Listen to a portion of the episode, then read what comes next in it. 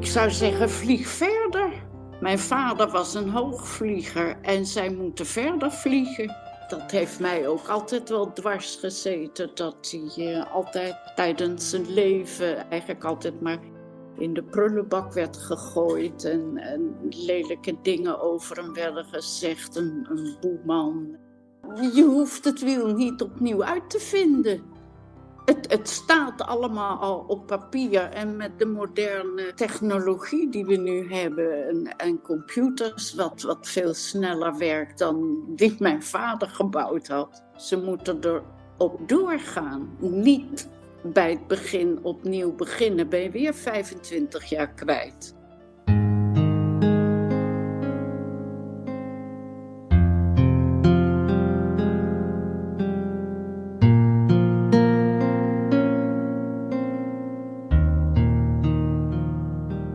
21 december 2022 is een bijzondere datum. Niet alleen de kortste dag van het jaar, het is ook de geboortedatum van je vader, Johan van Veen, in 1893, maar ook de geboortedatum van Stichting Blauwe Lijn in 2018, vier jaar geleden. In de komende aflevering vraag ik je om mij mee te nemen naar het ontstaan van Stichting Blauwe Lijn.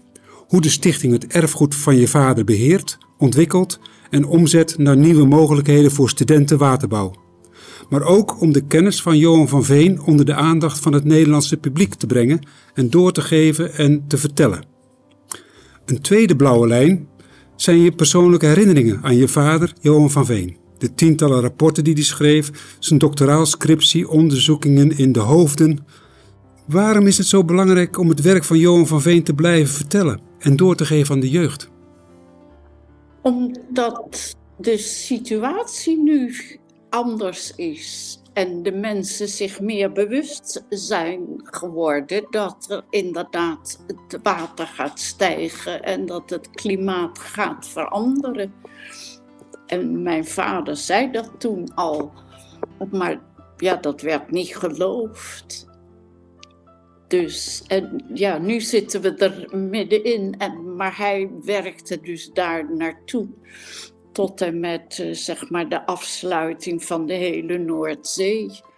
Van Frankrijk naar Engeland en van Engeland naar Noorwegen. Met gebruik maken van de, de Doggersbank en het gebruik maken van die bestaande richel tussen Engel, Engeland en Frankrijk. Want die richel is niet uh, ontstaan door de ijstijd, maar dat is een natuurlijke uh, ja, basaltstenen richel. Een soort bergkam. En dat zou dus een goede uh, houvast zijn om daar een dijk aan, te, aan vast te maken. En wanneer ontwikkelde hij uh, die theorie, dat plan? Nou, eigenlijk uh, kun je dat lezen wel, dat hij daar het over heeft. En ook het aanzetpunt waar ze dan zouden beginnen, Point Gris in Frankrijk en Engeland dan zo daar tegenover. Ja, hij heeft die naam wel genoemd. Maar hij heeft niet direct gezegd van afsluiten van de hele Noordzee. Maar als je het boek doorleest, dan kom je vanzelf tot die conclusie. Hoe komt het eigenlijk dat, uh, dat uw vader daar zo mee bezig was in die tijd al? Waar komt die nieuwsgierigheid vandaan? Hij, uh, hij is geboren aan, aan de Waddenzee. Het, het, was toen de laatste boerderij van, van het Hoge Noorden. En daarachter was meteen het Wad. En ik heb zelf dus nog meegemaakt dat het, dat laatste Wad werd uh, ook afgesloten met een dijk. Dat was in 43 nog, geloof ik. Ja, maar hij woonde dus aan het Wad. Dat was dus toen gebruikelijk. Mensen, de boeren die aan het Wad woonden. En dan, als het dan werd ingedijkt, werd automatisch dat stuk van hun. Dus dat hebben, hadden ze de binnen- en de buitenboerderij. Maar je zou zeggen, Marianne, dat je vader boer had moeten worden, want hij was zoon van een boer. Ja, maar hij had nog twee oudere broers, dus die kregen de boerderij. De oudste zoon kreeg de binnenboerderij en de tweede zoon kreeg de buitenboerderij. En mijn vader was de derde zoon en die kon goed leren, dus de, de, de schoolhoofd in Uithuizermede, lagere school, zei van Johan moet doorleren. Die moet naar Warfum, uh, naar de driejarige HBS en dan naar de vijfjarige HBS. Het was niet echt een boer, wel geïnteresseerd in de natuur en in hoe het wat. En daar zat hij dus eigenlijk altijd te spelen met al die watergeulen en, en groeven. En ja, maakte die zelf dijkjes. Heb ik zelf als kind ook gedaan als ik daar logeerde.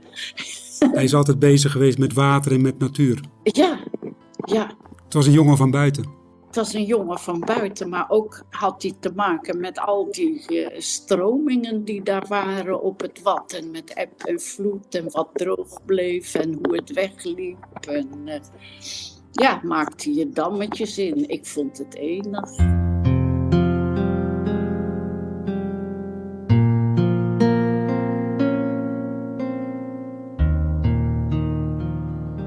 Marianne, we zullen er ongetwijfeld in een andere aflevering van, van deze serie nog eens een keer wat uitvoeriger op terugkomen over zijn, zijn plannen en jouw herinneringen daaraan.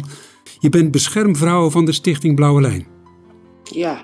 Hoe ben je nou in contact gekomen met Karin van Burg van Stichting Blauwe Lijn en Erik van de Wegen? Die belden me op of ze langs konden komen. Ik zeg ja, dat is enig, leuk, doen. Ja. Niet wetende wat er ging gebeuren. Nou ja, met mijn vader iets. Ik denk, nou, dat is toch leuk. Ik heb van alles. Dus uh, dan kom maar kijken wat, ik allemaal over hem heb. En ik kan je vertellen wat ik over hem weet en zo, ja. Het eerste contact met de Blauwe Lijn. U werd dus gebeld door Karin Ja. van Burg. Ja. En toen? En toen zijn ze dus na een tijd eh, gekomen. En dan zou eerst alleen komen en dan met Erik. En dan weer alleen, dan weer met Erik. Maar uiteindelijk zijn ze allebei gekomen. Ik zei, ja, ik heb toch wel, wel twee bedden. Dus eh, je kunt ook gewoon hier bij mij eh, logeren. En dat is allemaal gebeurd. Vier jaar En dat geleden. is allemaal bijna. gebeurd. Ja. Ja, het was regenachtig. Het was niet het mooie zuiden. En toen zijn waarschijnlijk ook de plannen eh, eh, meegedeeld naar, naar jou toe. eh, wat de Blauwe Lijn eigenlijk voor ogen had. Om het erfgoed van je vader door te Ja. geven aan de jeugd, de jongeren. Ja, maar ik kende Karin dus al van een ander project en dat was het Watersnoodmuseum. Daar werd eh, iets met, de- met die blauwe lijn eh, allemaal gedaan. Dus Karin had ik al eh, eerder ontmoet. Voor ze mij belde, ja. Keer ik toch weer terug naar 21 december. Het is ook eh, op de dag af precies dat het vier jaar dus eh, opgericht is. Je bent daar zelf ook hier geweest, hè, in het eh, Topshuis met familieleden. Ja, Wat weet u zich daar nog van te herinneren? dat het bronzen beeld klaar was. En dat wij dat hebben meegenomen naar die, die, die opening. Want dan weet je over wie het gaat. Waarom werd dat beeld gemaakt? Eh, Dat was eigenlijk eh, een wens van mijn broer. Die vond dat nodig. Dat dat bij Rotterdam eh, een beeld van hem zou zijn. Omdat hij zo ontzettend veel in Nederland op gang heeft gebracht en, en veranderd. Dat zo iemand moet een beeld hebben, dat, dat moet toch moet men weten. De economie en, en het landschap. En, en dat zou de erkenning moeten zijn voor die die verdient. Voor, voor zo'n visie over de toekomst en de kwetsbaarheid van het land. Maar dan de plek. Waar zou die dan moeten komen? Ja, mijn broer zei dus Rotterdam. En toen eh, hebben ze bij de Blauwe Lijn dus eh, uitgezocht het eerste Deltawerk. Dat dat klaar was, daar was mijn vader nog bij bij de opening daarvan. Toen leefde hij nog. En dat is dus op, bij Kapel aan de IJssel is dat gebeurd in september twee jaar geleden.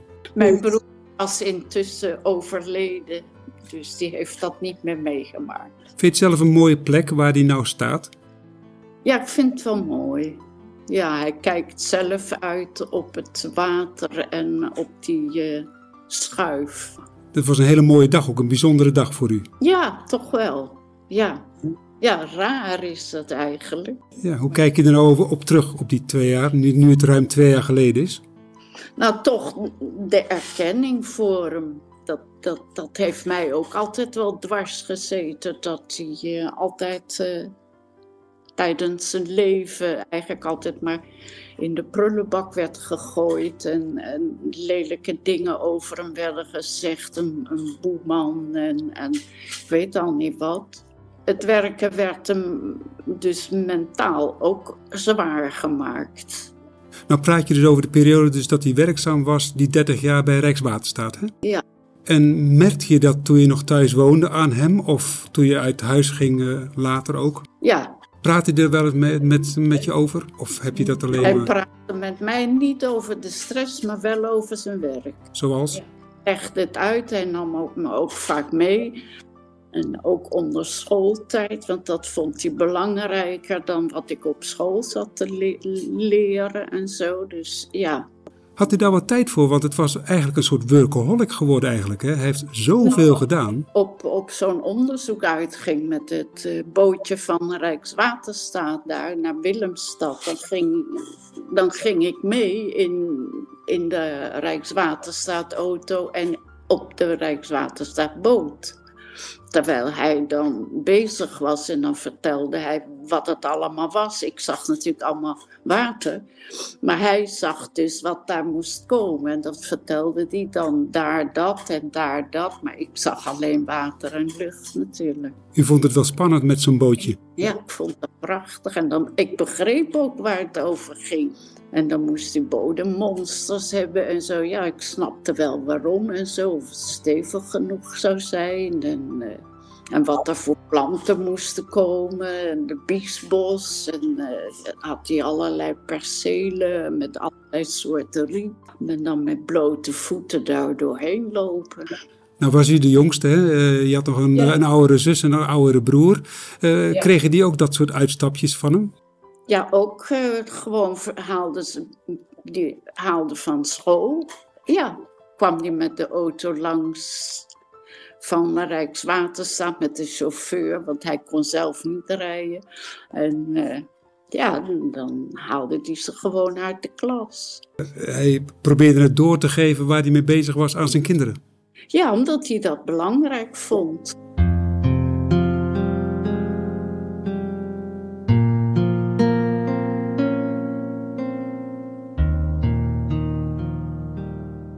Ik uh, keer even terug naar de Blauwe Lijn, omdat u daar beschermvrouwen van bent. Doet de Stichting Blauwe Lijn wat u eigenlijk zou willen dat u doet? Het erfgoed doorgeven. Ze komen telkens met, met geweldige nieuwe ideeën en zo. Ik vind het fantastisch. Kunt u er iets meer over vertellen, over die ideeën? Wat u te binnen schiet, wat ze zo al gedaan hebben? Oh ja, nou, van die trailers gemaakt en boekjes en, en lezingen, tentoonstellingen, en kinderdingen, scholen en uh, jonge studenten. Dus eigenlijk hoorde ik je zeggen dat het uh, erfgoed, al die plannen van je vader, uh, nog steeds actueel zijn voor studenten waterbouwkunde en allerlei mensen die daar belangstelling voor hebben. Ja. Dat moet gewoon actueel blijven. Je hoeft het wiel niet opnieuw uit te vinden. Het, het staat allemaal al op papier en met de moderne uh, technologie die we nu hebben en, en, computers, wat, wat veel sneller werkt dan die mijn vader gebouwd had, kunnen ze doorgaan. Ze moeten erop doorgaan. Niet bij het begin opnieuw beginnen, ben je weer 25 jaar kwijt. Dat hoef je niet opnieuw uit te gaan zoeken. Behalve dus dat uh, je vader uh, begonnen is bij, uh, bij Rijkswaterstaat en daar opgeklommen is, opgeklommen is uiteindelijk tot hoofdingenieur. Ja. heeft hij nog veel meer gedaan. Hè? Het was ook een soort uitvinder. Ja, want dan liep hij tegen allerlei dingen aan die je oponthoudt. Dat vond hij dan. En dat moest vlugger kunnen. Dus daar heeft hij dan in de oorlog met uh, ingenieur De Kat samen een, een, analoge computer gemaakt. Want hij vond dus dat het, uh, de elektriciteit en, en de waterbeweging zoveel op elkaar leek dat je dat dus kon gebruiken. Dan hoefde je verder niet te rekenen. Je had het in 20 seconden. En de, de 20 rekenaars deden daar maanden over om tot diezelfde. En het was misschien niet helemaal precies, maar je kon in ieder geval gelijk zien wat de, ongeveer de, de uitslag was. Uiteindelijk is het hem gelukt hè, om die rekencomputer, de Deltaris. de hè, Deltar. Ja, de Deltar, om die dus uiteindelijk uh, in ontwikkeling te krijgen. Daar had hij natuurlijk ook andere mensen ook voor nodig, andere wetenschappelijke en technische lui misschien voor nodig om dus dat te ontwikkelen. Of heeft hij het helemaal in zijn uppie gedaan? Dat heeft hij dus in, in 1944 in een leegstaande fabriek gedaan met de kat. En dan op donderdag dan kwam de, de kat dus bij ons eten, bietenpulp, gebakken bietenpulp met, met bietenstroop. Iets anders was er niet. En dat, dat, dat was een hele eigenaardige man, ja. Maar, maar heel briljant. Later las ik dus dat hij ingenieur was. Misschien is hij later gaan studeren, is ook mogelijk. Het was een jonge man nog toen. Mocht je dan ook mee naar die, eh, naar die fabriek? Nee, daar ben ik nooit mee mee geweest. Je mocht niet overal mee naartoe? Nee. Maar ik was wel dan thuis, uh, had hij dan allerlei schalen, dingen, modellen en, en tekende die. En dat werd dan overgetrokken op, op uh, de doorzichtig papier, van dat zandpapier. En dan mocht ik het inkleuren met ecoline. En dan moest ik precies binnen de lijntjes die hij getekend had blijven. En dan ja, blauw en rood en uh, groen en geel. En dan hield hij het origineel. Ik weet niet, was ergens verstopt en zo. En dat overtrekken deed hij zeg maar op het, de onderkant van het tafelblad en de onderkant van de beddenplank, van stoelen. Want de Duitsers mochten het niet weten en hebben. En die overgetrokken dingen die werden opgerold. En dan werd dat onder het matrasje van mijn poppenwagen gestopt. En dan moest ik het brengen. En dan bracht ik het naar Ringer. En dat was dan, dan moest ik ons gebied uit. Wij waren verhuisd en dan moest ik via het, het spergebied moest ik naar Ringers, ja. En dan eh, was daar zo'n hekwerk van, van prikkeldraad met wachthuisjes met, met de, zo'n Duitse soldaat erin. En daar moest ik dan door en dan deed ik net alsof ik achterlijk was. En dan, dan zagen ze, dan heb je dat achterlijke kind weer met die poppenwagen. Dus die lieten me dan altijd weer, wel weer erin en eruit en erin en eruit. Was dat niet spannend voor je? Nee, ik vond dat altijd wel leuk. En vooral door dat hele lege stuk lopen, al die lege huizen en zo. Ja, vond ik wel grappig. En dan moest je aanbellen en dan werd er open gedaan en dan... En dan kon ik eh, even binnenkomen en dan die papieren geven. Was je niet bang dat je gevolgd werd door een Duitser? Of door nee, iemand? nooit iemand gezien. Ik heb ook niet echt gekeken. Nee, ze waren totaal niet geïnteresseerd. Keek ik een beetje scheel. En we hadden een buurmeisje. En die, had, die was inderdaad zo'n mongooltje. En die deed ik dus na. Die, die, die stak ook al door dat tong naar buiten. Dus dat deed ik ook. Als ik daar zo door liep, ja. Geweldig verhaal, Marian.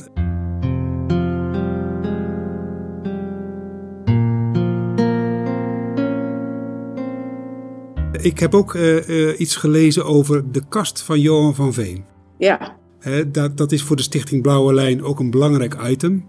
Ja. Waar stond die kast eigenlijk vroeger? Dat waren er drie. En dat stond in zijn kantoor. En die had hij zelf gekocht. Dus toen hij uh, wegging, kreeg hij de kasten. In 1958 geloof ik, hè? 59. 59, ja. En waar nam hij de kasten mee naartoe? Naar zijn toenmalige huis waar hij woonde. Hij was dus toen gescheiden van mijn moeder. Het was een, een separation, niet een echte scheiding. Dus ja, het was zijn kast. Dus ik ging gewoon met hem mee naar, naar de etage waar hij toen woonde. Dat is nu al lange tijd geleden, 63 jaar geleden. Uh, uiteindelijk, waar staat de kast nu? Ik heb er één hier. En mijn broer had er twee. Die is toen gescheiden. En één van die kasten is naar, met zijn vrouw meegegaan. En de andere heeft hij zelf gehouden. En die hij zelf heeft gehouden, die heeft glas in de bovenste ja. segment. Segmenten, ja, ja. Eigenlijk een derde deel van de kast staat bij jou in Frankrijk. Wat gaat daarmee gebeuren? Met mijn kast? Ja, met de kast. Hebt u er al een bestemming voor? Nee, heb ik er nog nooit over nagedacht. Ja, ik denk mijn kinderen gewoon. Verder weet ik niet. Ik heb daar nooit over nagedacht. Wat zat er allemaal in die kast bij Johan? Alle plannen en alle toekomstige plannen, onderzoeken, ja, rapporten. Wat mijn broer had en wat nog gevonden werd bij uh, Rijkswaterstaat. Dat is naar het Nationaal Archief in Den Haag gegaan. Is alles al gevonden van Johan of zijn er nog dingen die misschien ergens moeten liggen? Er zijn heel veel dingen verdwenen. Er zijn heel veel dingen weggehaald gewoon en dan zet iemand anders zijn naam eronder. Plan wat ze nu, waar ze nu al over praten en het gebruiken om plastic uit het water te halen, het bellen ding, dat is een plan van mijn vader om zout en zoet water te scheiden bij de sluizen. Met andere woorden, hij wist al heel veel in zijn tijd, hè? wat nu in feite weer opnieuw uit de kast moet komen. Ja. Marianne, we zijn aan het einde gekomen van de eerste aflevering. Het half uurtje is alweer bijna voorbij. Heb je nog als beschermvrouw van de Stichting Blauwe Lijn een speciale boodschap voor het bestuur en de vele studenten waterbouw die in de voetsporen van Johan treden? Ik zou zeggen, vlieg verder. Mijn vader was een hoogvlieger en zij moeten verder vliegen. In de volgende aflevering spelen twee rapporten van Johan van Veen een hoofdrol. Het eerste rapport was een proefschrift over het meten van zeestromingen en het nauw van Calais. Het andere rapport was veel omvangrijker. Dat was het verlandingsrapport. Hoe werd het ontvangen? Welke betekenis had dit rapport voor de waterveiligheid van Nederland? Marian, tot zover. Dankjewel en tot de volgende aflevering. Oké.